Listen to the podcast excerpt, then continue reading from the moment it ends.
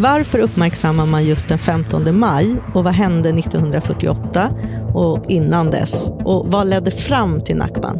Det är fortfarande ett öppet sår hos så många människor. Både de som flydde och de som har fötts i flyktingskap.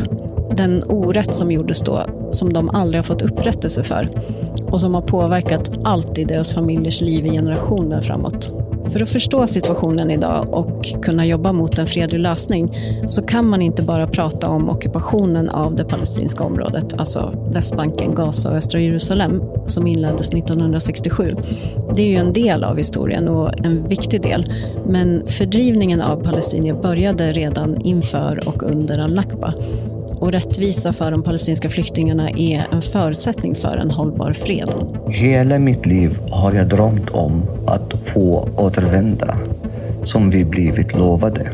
Lyssna till Palestinapodden. Finns där poddar finns.